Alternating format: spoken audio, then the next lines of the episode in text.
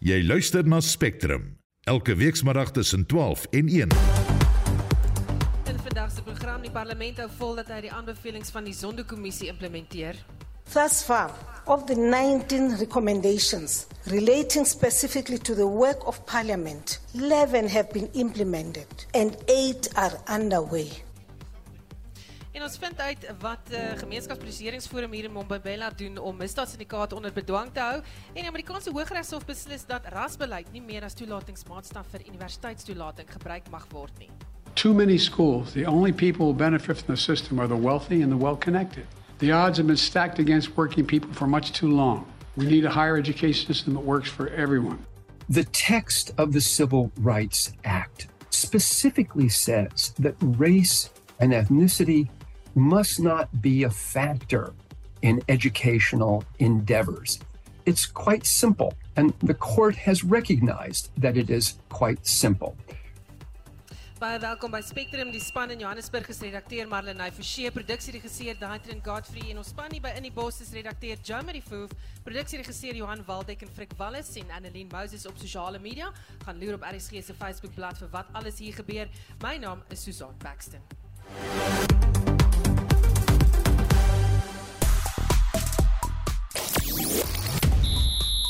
Engeland en Australië beoog om die oorhand op dag 3 van die tweede assetoets op Lords te kry. Nederland is sterk in die lug in hul Super 6 wedstryd teen Sri Lanka en die Australiese rugbyspan is op pad na Suid-Afrika met 'n eerste oorwinning op Loftus Versveld teen die Springbokke, doel nommer 1. Ek is Shaun Schuster vir RSG Sport. Jy luister na Spectrum elke weekmiddag tussen 12 en 1. En ons saai regstreeks uit van die in die Boskunstefees en ons is by die Mopani verhoog in die kuiertuin, die vingerkuiertuin. Jy kan gerus 'n draai kom maak. Ons is hier rond. Jy kan kom gesels, jy kan kom groet, jy kan kom luister waar ons gesels al die nuus van die dag en ons begin sommer met die hoofnuus van die dag. Die parlement se voorsittende beampte het met hoofregter Raymond Zondo vergader na sy onlangse uitlatings dat die parlement nie 'n tweede staatskaping al kan verhoed nie. Zondo het tydens die seminar gesê daar dat 'n jaar reeds verloop het na sy finale verslag oor staatskaping en steeds is die Zondo kommissie se aanbevelings nie in werking gestel nie. Hy het ook kritiek gelewer omdat daar versuim word om senior politici wat tydens oud-president Jacob Zuma se termyn gedien het, verantwoordbaar te hou. Die Sonderkommissie van ondersoek se verslag het aangedui dat die ANC die parlement gebruik om sy leiers teen verantwoordbaarheid te beskerm. Die ondervoorsitter van die Raad van Provinsie, Sylvia Lucas, het in reaksie gesê die partye binne die parlement se mandaat is om die wense van die kiesers uit te voer. Lucas het gesê die parlement kan nie 'n demokratiese proses stuit nie. Parliament is made up of parties that have been elected into parliament. And parties when they are voting with their party's mandate, it doesn't necessarily mean that parliament is the one that should take responsibility for how parties exercise their democratic right within the sphere of parliament or in the space of parliament. We should respond to that because it can come to a point that we question the mere fact of the electoral mandate because the electorate give a mandate to the parties and members have got the responsibility to exercise the mandate of their party. Die spreker van die nasionale vergadering, Nosiviwe Mapisa Nkakula, het egter volgehou dat die parlement wel besig is om van die aanbevelings in werking te stel. Thus far, of the 19 recommendations relating specifically to the work of Parliament, 11 have been implemented and 8 are underway. As part of the implementation plan, at least 22 relevant parliamentary committees have been assigned to oversee executive action regarding the Commission's recommendations. These committees are required to provide quarterly reports on oversight matters related to the implementations of the Commission's recommendations. Mapisan Kakula sê daar is opgetree na die bevindinge van die verslag teen sommige parlementslede. Die verslag het aanbeveel dat die minister van minerale bronne en energie, Kwedemantashe, vir beweerde bedrog ondersoek moet word. Dit hou verband met veiligheidsopgraderings by sy privaat wonings wat glo deur Bosasa betaal is tydens sy termyn as sekretaris-generaal van die ANC. Nog 'n aanbeveling was die verwydering van die nou minister van sport, kuns en kultuur, Zizi Kodwa, nadat daar getuig is dat die sakeman Jean McKay vir Kodwa se luukse vakansies betaal het. Hy het ook meer as 1,7 miljoen rand aan Kodwa geleen. Nog 'n aanbeveling was 'n ondersoek na die LP Tabang Makwetla wat glo R25000 aan Bosasa betaal het vir 'n R90000 se veiligheidsstelsel en alarm. Mapisan Kwakula. Therefore the presiding officers took the opportunity to clarify that the perception created that Parliament was not implementing the Commission's recommendations with the necessary speed is far from the truth.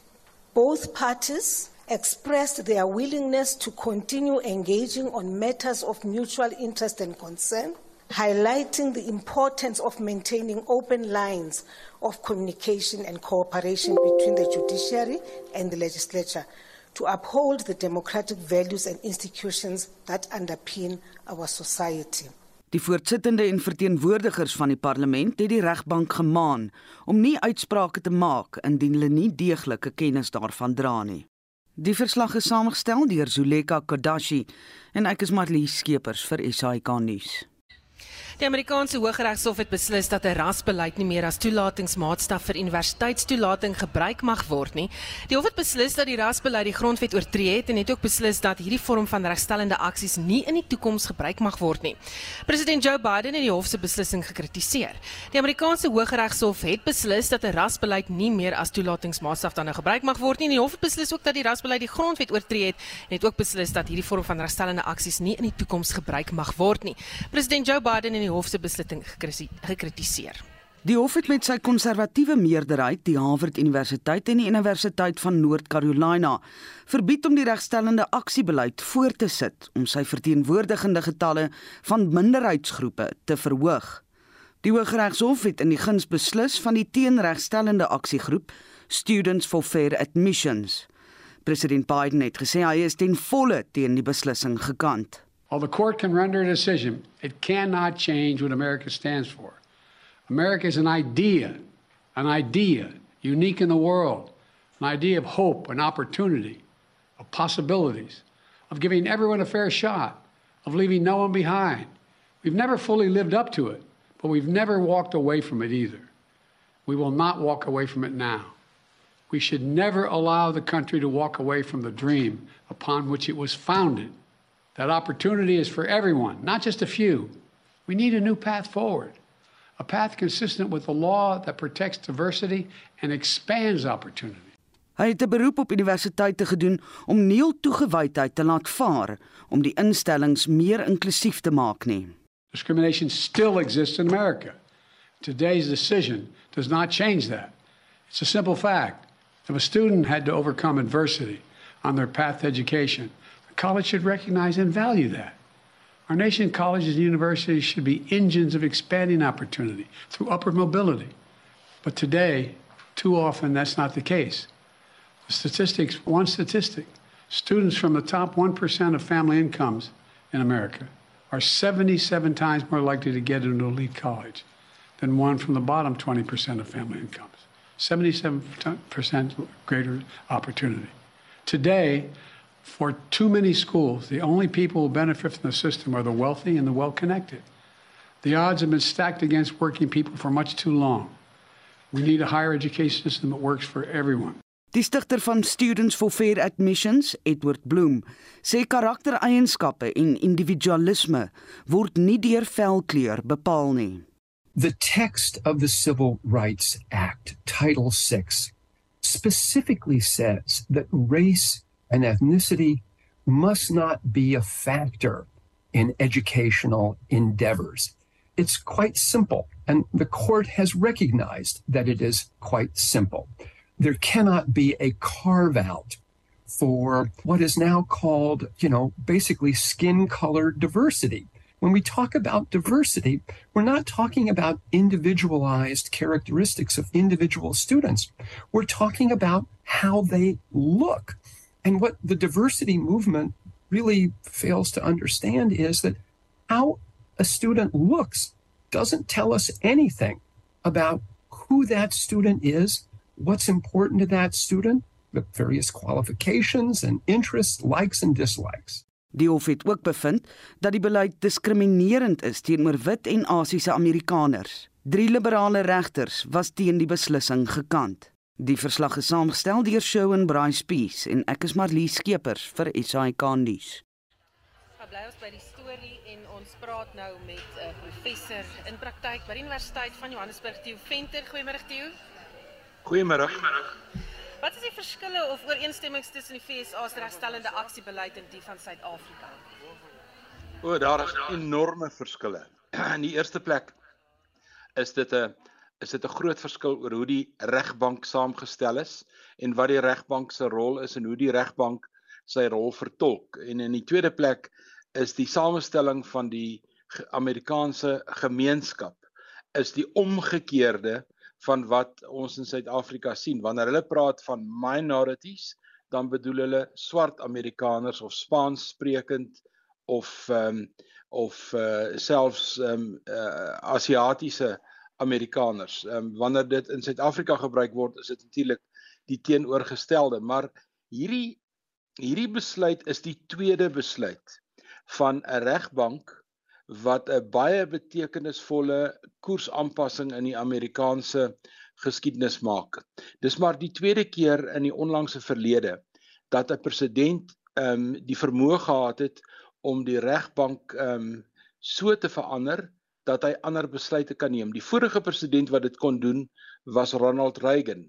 Donald Trump was die tweede president en hy het gesorg dat konservatiewe juriste die meerderheid vorm op die regbank en hulle eerste groot rigtinggewende of rigtingverskuivende besluit was die een oor abortus. Hierdie ene oor regstellende aksie veral op universiteite is die tweede een en hy gaan natuurlik 'n rimpel effek deur die Amerikaanse samelewing hê, maar dit kom nie uit die bloute uit nie. Ehm um, daar is reeds verskillende state soos byvoorbeeld Florida wat nie regstellende aksie op universiteite toegepas het nie. Ehm um, universiteite in Amerika het ehm um, het drie basisse. Een is die groot universiteite soos Harvard en Yale wat eintlik federaal is en self finansierend is. Dan is daar staatsuniversiteite en state het 'n baie groot sê in die beleid en die toetreebeleid tot universiteite op staatsvlak en dan is daar natuurlik baie kleiner colleges en hulle word op 'n ander manier gehanteer.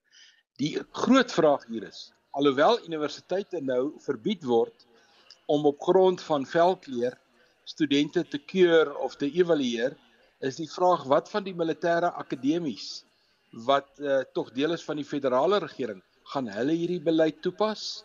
En ehm um, dit is dit is 2 eh, dae na hierdie besluit en ek dink almal is nog besig om uit te werk presies hoe moet ons hierdie nuwe koersverandering implementeer. Baie dankie. Dit was 'n professor in praktyk by die Universiteit van Johannesburg, Theo Venter. Nou sy regstreeks uit van die Enibos Kunstefees in Bombela. Ons is by die Mpani verhoog in die Wingerd Kuiertuin. Kom maak gerus 'n draai so en as jy die geluide hoor en gesuis almal wat hier loop en gesels en kuier, Intussen terug na die nuus oor 'n tydperk van 14 jaar het geteelde leeu's 18 mense doodgebyt. Dis volgens 'n verslag deur twee navorsers, Dr. Louis De Wal en Dr. Kelly Marnovich. Die titel is Biting the Hand That Feeds You: Attacks by Captive Carnivores Cause Deaths and Injuries in Southern Africa. Dr. Marnovich is senior dosent by die Departement Natuurbewaring aan die Tshwane Universiteit van Tegnologie, brei uit oor die betrokke wetgewing. So jy mag leeu's aanhou en vervoer en jag met 'n permit van die provinsie af. So as jy daar permitte het, is dit heeltemal wettig om leeu's aan te hou, om hulle te vervoer tussen plase en dan weer te jag al is hulle ook geteelde leeu's. Wat is jou indrukke word hierdie wet goed toegepas? Dit is baie moeilik om die wet toe te pas want veral as ons praat van hoeveel leeu's is in gevangenskap, want hulle teel redelik vinnig aan en dan het 'n boer sê vandag 'n permit vir sê 50 leeu's en dan volgende week kry drie van die wyfies kleintjies en dan is daar skielik 18 meer leeu's en dan jag hy 10 leeu's. Die getalle verander verskriklik vinnig veral onder leeu's in gevangenskap. So dis baie baie moeilik om 'n permitstelsel heeltemal akkuraat te hê. Nou jy het saam met nog iemand navorsing gedoen. Wat was vir jou verrassings uit die navorsing? Ek dink een van die grootste verrassings is hoe min sekuriteit daar is vir mense wat met lees werk of toeriste wat kom kuier en wil lees in gevangenskap sien. Wen van daai mense wat aangeval is deur daai roofdiere is in die hok saam met die roofdier en hulle sit op die grond en hulle neem foto's en so voort. En daar's absoluut geen wetgewing of geen benodigheid vir enige tipe kwalifikasie vir enige iemand om toeriste in te vat in die kamp saam met daai diere. En so enige iemand kan dit doen. En daar's geen vuurwapens nie, daar's geen pepper spray, daar's niks nie. So as sy roofdier of iemand aanval, daar's baie min wat gedoen kan word. So die mense dink hulle is die besig om met katte te speel. Ek dink hulle dink die diere is mak omdat hulle nie bang is vir mense nie. En van hulle is redelik mak, maar hulle bly nog steeds 'n wilde dier. En 'n mannetjie leef 200 kg. so groot dier. Is dit die rede hoekom daar so baie sterftes is?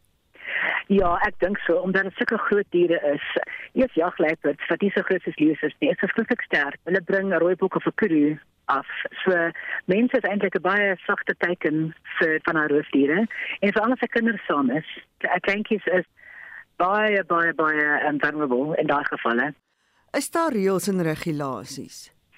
oor wat spesifiek oor hierdie interaksie. Ja, en ook die feit van die jag en die aanhouding van hierdie tipe diere.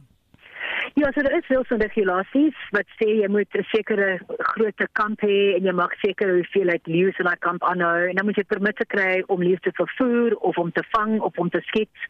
So ja, daar is regulasies in daai opsigte, maar daar is geen regulasies oor hoe mense met daai leus of jagluiperds of diere gevangenskap werk nie. So daar's werkers wat in die kamp ingaan saam met die diere om die kamp te bestuur of die diere kos te gee.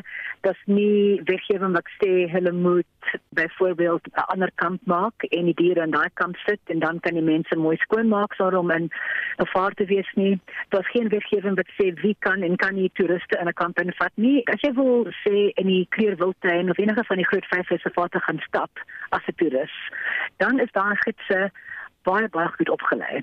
Honderde en honderde ure van opleiding, baie baie goed opgelei, maar daar's niks in die geval van gevangenskap nie. En dit is baie meer gevaarlik as om in die bos te gaan loop. Jy en dokter Louise de Waal het nou hierdie navorsing gedoen. Wat hmm. dink jy sou 'n manier wees van owerhede se kant af 'n oplossing te kry?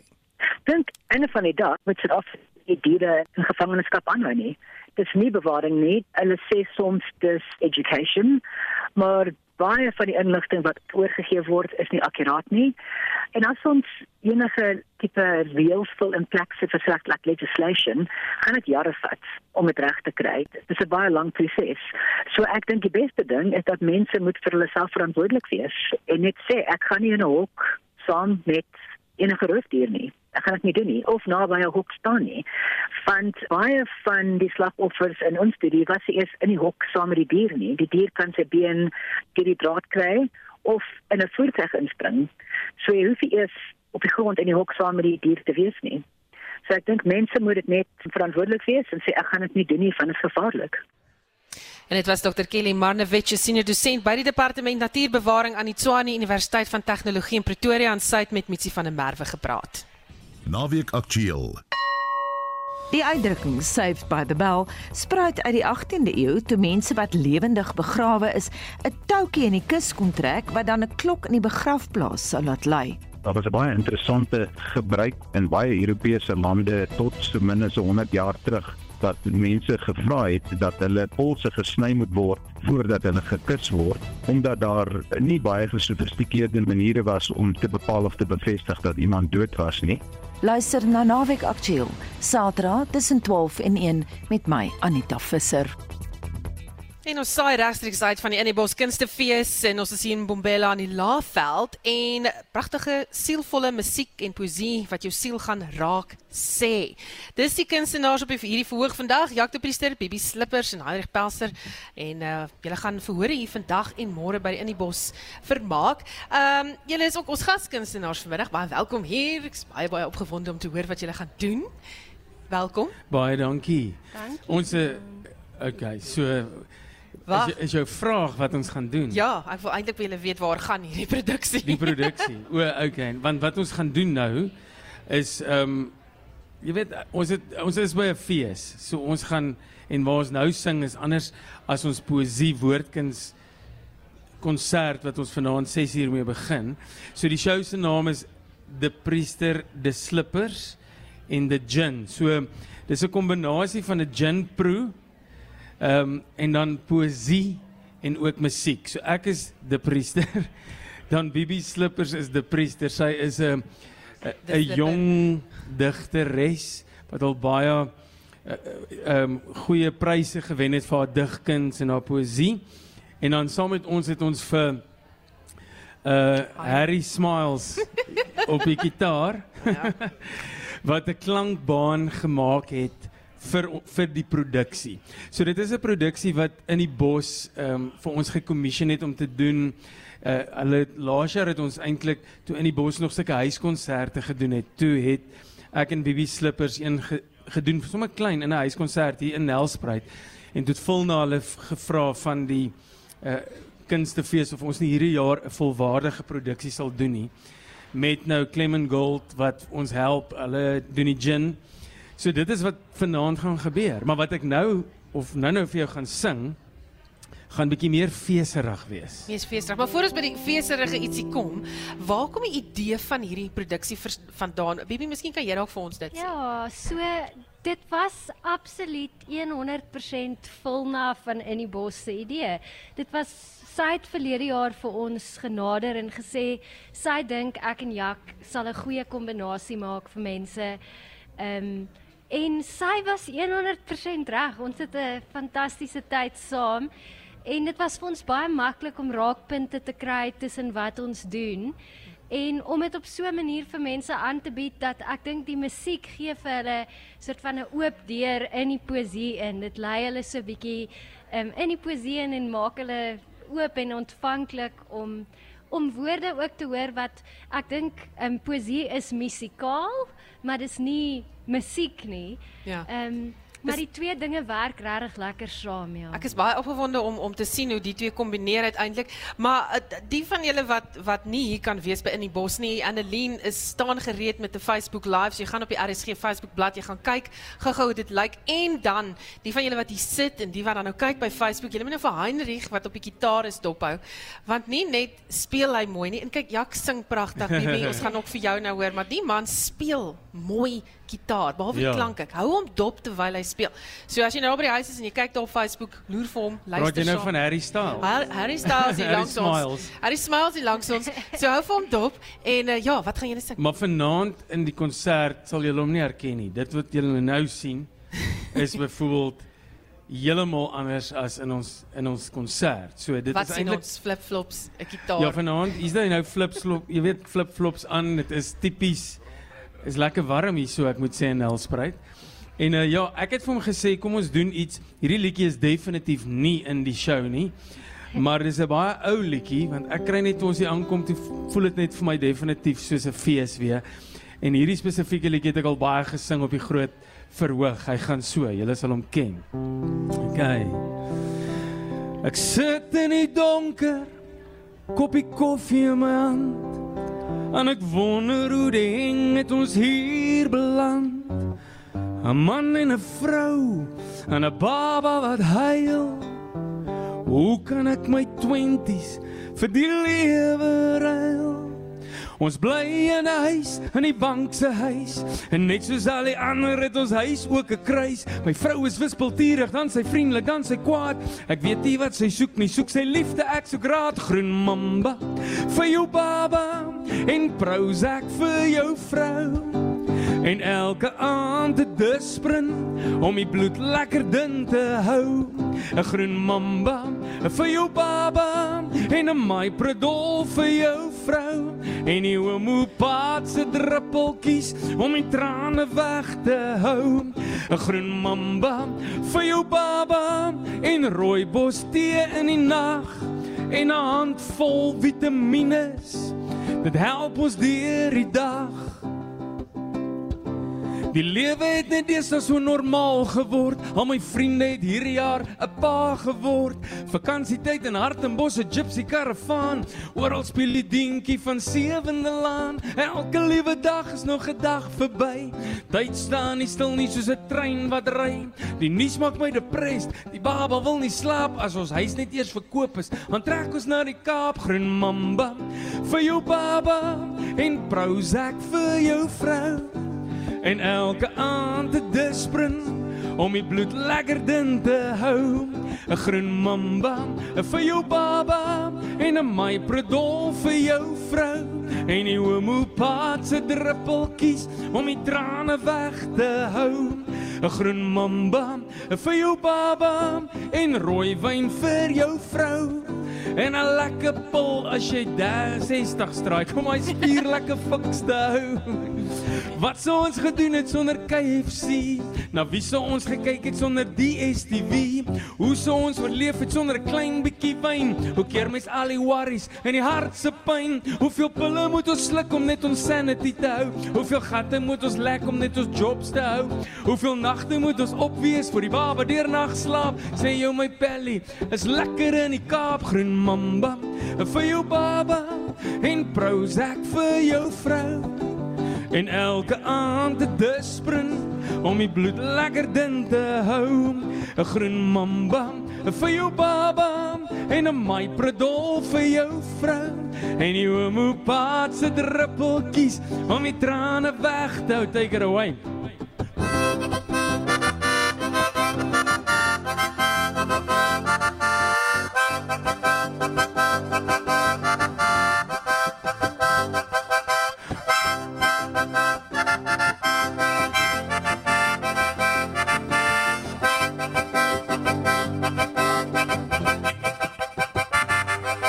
Groen mamba vir jou baba en Prozac vir jou vrou.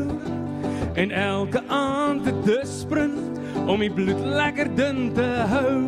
'n Groen mamba vir jou baba en rooi wyn vir jou vrou. En 'n lekker pil as jy 30 stryk om jou haar op jou kop te hou. Baie dankie. Fantasties. Ehm um, Bibi, ek, ek weet nie of jy 'n woord nog wil spreek want ons tyd het nou so bietjie uitgehard. Was baie lank gepraat. Maar ek wil net sê vir almal wat geluister het en en hier aan die gang is die die hierdie is passie agter gehou gedoen en ingestel. So baie dankie julle ouens. Nie wat vanaand gaan gebeur nie, maar gaan kyk dit. Gaan baie interessant wees. Fantastiese kombinasie. Baie dankie dat julle hier was. Okay, so ons. Bibi gaan nie nou meer 'n gedig Bibi, lees as nie. just een strofe. Nee, is jy reg? Goed, julle ouens moet vanaand gaan luister vir Bibi. Baie dankie dat jy reg en gereed was daarvoor en dat jy hier op die en lig hierdie kon doen. Goed, en uh, ek wil net sê die liedjie, ek dra ook die liedjie op in my klankregisseur in Johannesburg, daai trend wat onlangs pa geword het, is definitief hom. Baie dankie julle Jacques de Priester, Bibi Slippers en Heinrich Pelser. Mbombela is baie naby aan die grensbos van Mosambiek wat dit 'n ideale plek maak vir misdaadsyndikaate as 'n deurgangsroete. Mensenhandel, renosterstropery, dwelms en wapens beweeg hier oor en weer oor die grens. Die Bossies Community Justice groep hier in Mbombela is 'n gemeenskapspolisieeringsforum wat probeer om die misdaadsyndikaate onder bedwang te hou. En ons praat nou met Albert Grywestein van Bossies Community Justice. Welkom hier Albert. Dankie Susan, baie lekker om altyd met dit te gesels. Ja, laas keer toe ons weer gesels het, was dit nou voor Covid tydperk geweest. Nou het Covid gebeur. Hoe het Covid en die pandemie misdaadtendense verander? Weet jy, daar is nie eintlik 'n uh, verandering uh, nou meer nie. Het gedurende die pandemie was dit stil geweest, maar daar is nie eintlik 'n verandering nou meer nie. Ehm um, weet ons fokus by Bossies het so 'n bietjie verander oor die jare. Van waar ons begin in 13 jaar terug en tot waar ons vandag doen. Vandag konsentreer ons maar meer op uh, geweldsgebusdaad, georganiseerde en ernstige geweldsmisdaad en moorde. Uh moorde was mos maar altyd maar een van ons goeders gewees.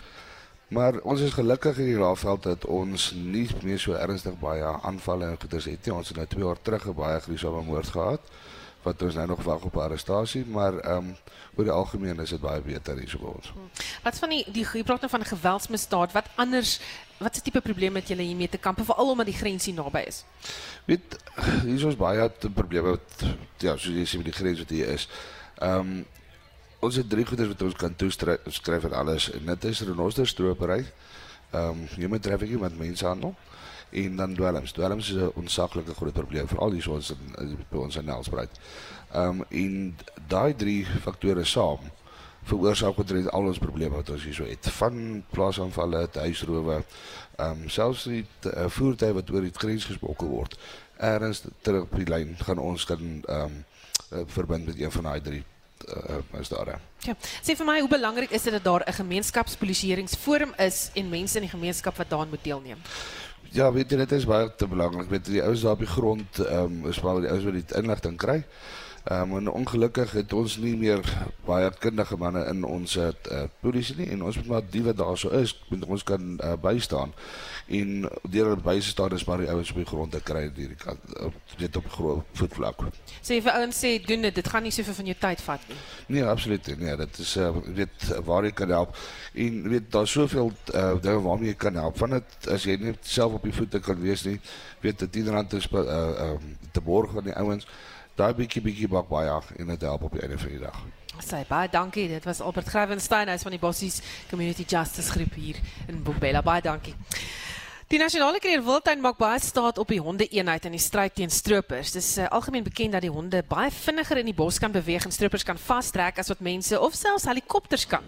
Onlangs sê die honde-eenheid honde begin oplei om alleen in die bos agter stroopers aan te gaan en hulle vas te trek tot veldwagters by hulle kan uitkom. En luister gou mooi wat ek sê, die hond gaan alleen in die veld in die honde en dan kry hulle die stroopers, trek hulle vas en wag daar tot die veldwagters by hulle kan uitkom.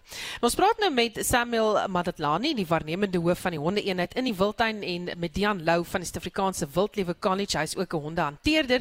Samuel, first tell me about this program. How does dogs uh, in the field or in the veld help to catch poachers? Uh, thank you, Suzanne. Uh, if you can allow me to start with the background where we started with the dog program. We started a decade ago only with three dogs, and uh, there were arguments that domesticated dogs cannot actually track a person.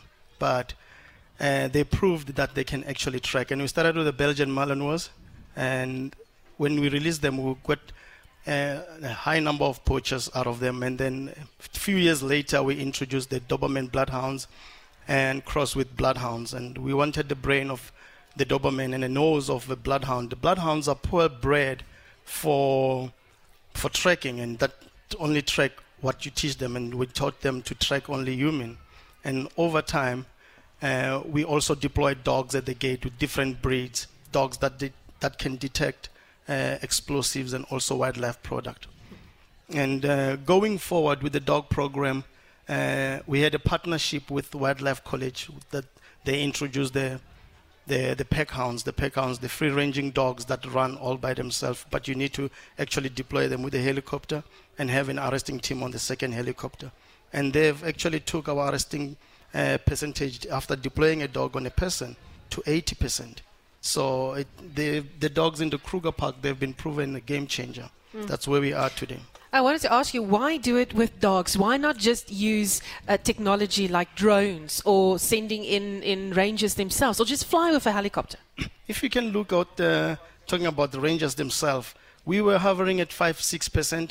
That's only rangers tracking the the, the poachers visual track without using dogs. But when we started using dogs, we are up to 80%.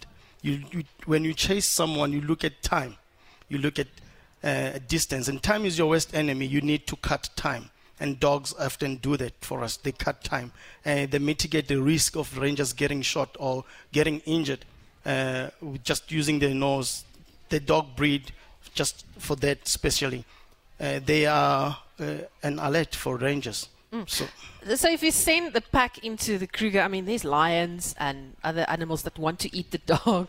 I mean, is it is it won't they be attacked by animals?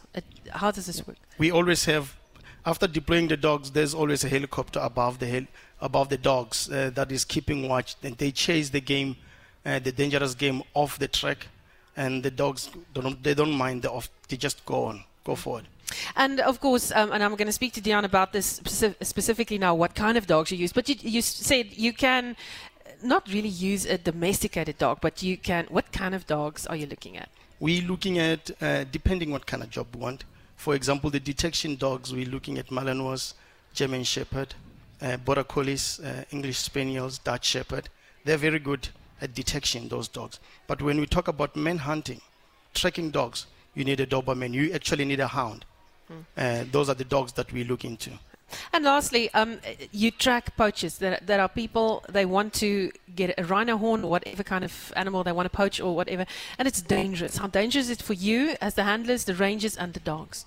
It is very dangerous. Like you say, it's not only the person, I mean, or the people that we track, but the environment we work in. It's very dangerous. And if you look at the dog's health, the dogs actually catch a lot of diseases. You can think of tick bite fever uh, that we always have to come back and think about when we when we at the at the, at the desk. Uh, you think about snake bite, and the snake bite can also go on a human. The tick bite fever, you can also catch it, and you, you have to worry about the buffalo that can charge at any time. Hmm. So at the end, you and on top of that, the people that we track, we know that 90% they're carrying a, a firearm. And they're going to shoot. And they're going to shoot. Uh, they're going to shoot at the animal first before we get to them, or they're going to retaliate or shoot back at us. We don't know. Being dangerous. Um, Samuel, I'm going to move over to Dion now. Dion, jy is van die South African Wildlife College. Julle lei hierdie honde op en hy en, en Samuel het nou gepraat oor die spesifieke tipe honde. Watse honde gebruik julle wat nou julle net kan loslaat in die veld en hulle hardloop agter die mense aan sonder dat iemand vir hulle sê gaan? So daar's ons eintlik 'n uh, groot groep van honde wat ons gebruik. Ons gebruik 'n redelike verskeidenheid van honde ook. So ons gebruik enigiets van American English Coonhounds, Texas Redbone, Blue Tick, Red Tick, jou Doberman Bloedhond, Doberman. So enigiets wat kan spoor sny, soos soos ons baas uh, maar sê, selfs as ons 'n jockie kan kry wat onderste bo kan spoor sny, weet ons sal hom leer spoor sny. Um en en dis alles met dis honde met lang ore en en goeie neuse. So dit is die hounds. En ja, so dit is maar jou American English Coonhounds, Texas Redbone, Red Tick, daai tipe. Ek dink ek gaan my jokkie bring dat jy hom oplei. Hy is baie stout om iets doen. So hulle word spesiaal geteel. Ek kan nie byvoorbeeld sê goed, ek het vir jou 'n uh, Rottweiler en hy moet nou kreer toe gaan en hy moet daar gaan werk nie. Gaan nie werk. Nee, ongelukkig nie. Weet, um 'n uh, hond soos 'n Rottweiler is is 'n baie groot hond, is 'n baie swaar hond en uh, die rede dat ons die pakhonde gebruik of die die hounds is hulle is gemaak vir spoed. Uh hierdie honde hardloop ongelooflik vinnig en hulle hulle het hoë energie, hulle is hoë dryfhonde.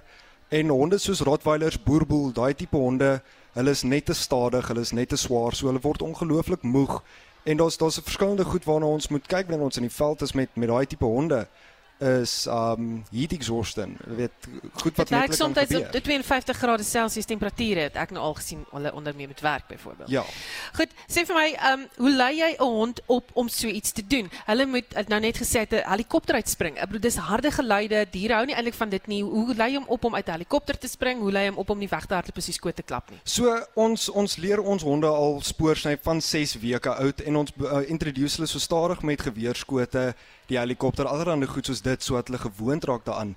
En die groot ding met dit is om die honde te leer om gewoond te word aan daai goed, is eintlik om hulle net meer bloot te stel met met daai tipe goed. En as hulle bang word of of enigiets soos dit, dan moet mense hulle maar net ignoreer en laat laat hulle dit self leer en dit, dit vir vir 'n hond om spoor te sny of of om spoorsny te doen. Meeste van dit is self-discovery want uh, waar hierdie idee van spoorsny kom is soos van Engeland of van Amerika waar hulle die beere of mountain lions of raccoons of goed jaag met die honde. En dit is waar die idee van die pakhonde kom. So is baie self-discovery wat die honde leer as hulle in die helikopter is. Hulle leer dat hulle kan gemaklik wees en elkeen het hulle eie plekkie wat hulle rustig is en hulle hulle het hulle eie spasie. Mm, Persoonlikhede. Net laasens, hoe pas julle in dan by sandparke? Hoe werk julle saam met die wildtuin om dan hierdie honde op te lei en saam met hulle te werk en hulle honde eenheid sodat julle dan hierdie strippers kan vastrek? So ons as die Southern African Wildlife College ons werk saam met die kreer. Um ons deploy met die honde. Dis dis ons honde wat ons oplei. Um die kreer gee vir ons 'n helikopter en ons gee vir hulle honde. So die rangers, die boots on the ground, die mense wat op die grond is, hulle sal vir ons 'n spoor wys. Hulle sal vir ons sê hierso was poachers, hierso's 'n spoor. Hulle sal ons dan uitroep. Ons sal 6 honde vat na die helikopter toe. Die helikopter kom haal ons. Ons laai al die honde in die helikopter en dan vlieg ons uit na waar hulle die spoor gekry het en dan stadig stadig release ons ons honde op die spoor en ons honde hardloop en die enigste manier om by hulle by te hou is met 'n helikopter. Uh ons het al perde probeer, motorfietsse probeer en dit werk nie want van hierdie honde hardloop so 45 km/h. Jo. Dis dis baie vinnig. Hooplik gaan ons 'n kans kry om dit in lewende lywe iewers te sien en dit dalk ook vir ons luisteraars te kan bring. Baie dankie. Uh, Dian Lou is van die Suid-Afrikaanse Wildlewe College of die uh, South African Wildlife College en ons het ook gepraat met Samuel Matatlani, hy is die waarnemende hoof van die hondeeenheid in die Nasionale Kruger Wildtuin. Dankie dat julle kom gesels het. Maar nog iemand wat betrokke is by die teenstropery operasies in die wildtuin is Mark McGill. Hy werk spesifiek met die tegnologie wat julle gebruik. So op hierdie honde se halsbande is daar byvoorbeeld ook 'n uh, GPS monitor. Uh, en dit help dat hulle die honde kan kry maar maak. Um what kind of technology are you using in the fight against poaching at the moment?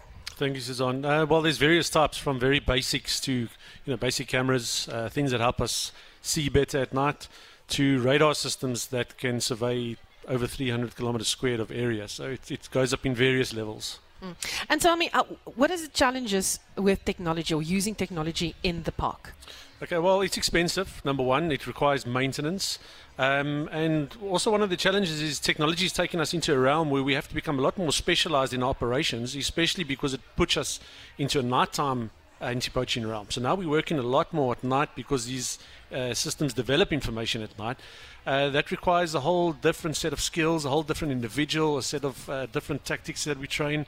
Um, so it provides various challenges, but the most important is that technology must work for us. We mustn't work for the technology. So it must give us the information we need to go and apprehend that poacher. Mm. And I know you can't give away too much because then it sort of gives away your game. but uh, any specific anti-poaching tech that you're using that we are allowed to know about? That people can. Okay, well, the radar system is probably one of the most well known in Kruger. It's a very successful project. We deployed it for the first time in 2017. It's called the Meerkat. Uh, it provides surveillance of from anything from 150 up to 350 kilometers squared at one time. Uh, it's one system that can be monitored by one person at a time. Uh, and of course, that can provide uh, persistent detection and tracking within a certain mission area, and then uh, us as teams of rangers on the ground will go and respond to that. Um, other forms of equipment that we use are basic camera traps that we use in the bush, uh, night vision devices.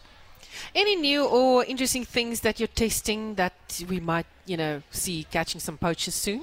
I think uh, some more advances in radar use. Uh, we're going to see improvements in that.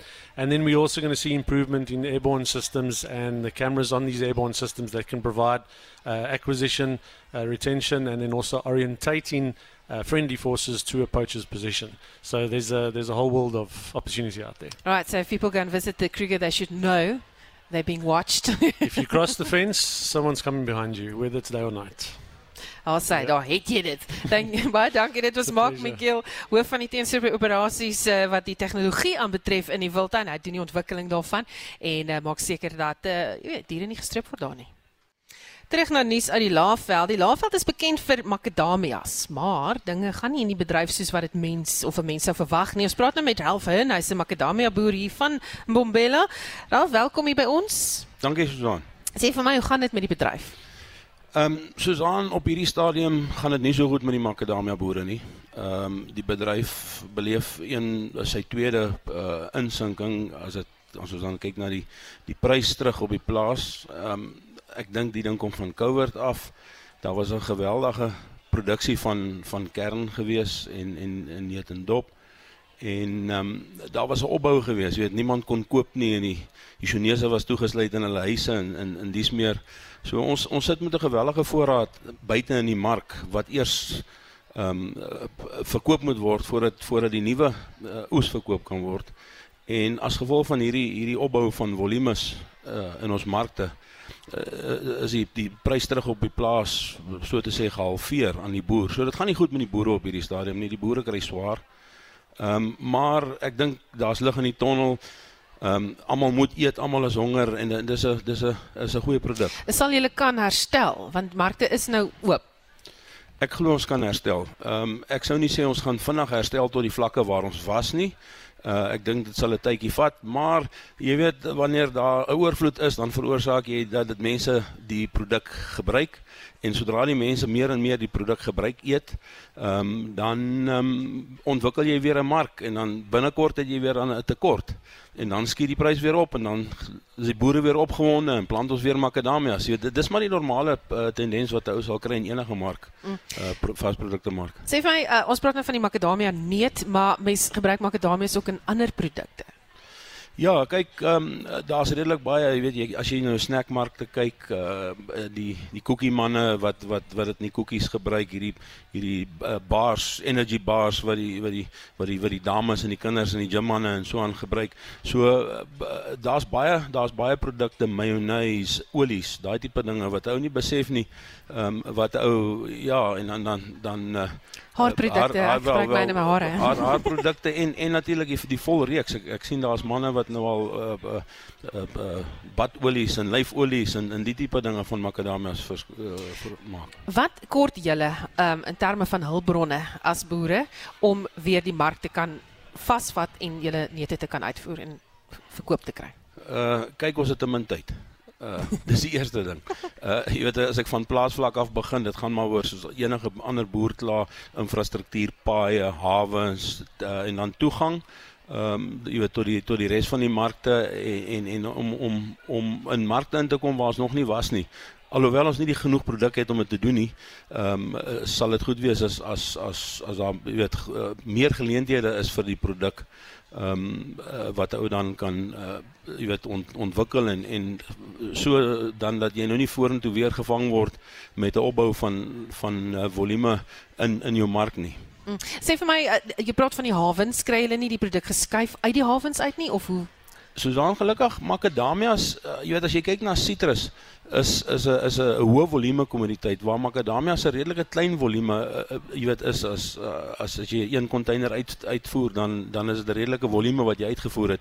So ons het nie so 'n groot probleem gehad nie. Wat wel 'n probleem was was die koste van containers en verskeping en die tipe dinge. En en en dit dit gaan ook almal beter. Ek moet dan sê uh, jy weet ons het onlangs uh, terugvoer gekry van ons verskepingsman af wat gesê het luister die die kostes is besig om af te kom. Die die vloeiendheid gaan beter. Ek ek dink tog dit gaan beter, jy weet. Ek meen ons het laas jaar het ons daai oorstromings nou moet gehad. Dit het regtig die boere, al die boere Citrus, Avos makadamias baie seer gemaak. Ehm um, en en hierdie jaar dink ek daar's tog 'n beter vloei en ek dink ons sal net beter gaan van hier af. Laaste vraag, belangrikste vraag, hoe breek mens die neut oop? jy het gesê jy gaan my dit vra.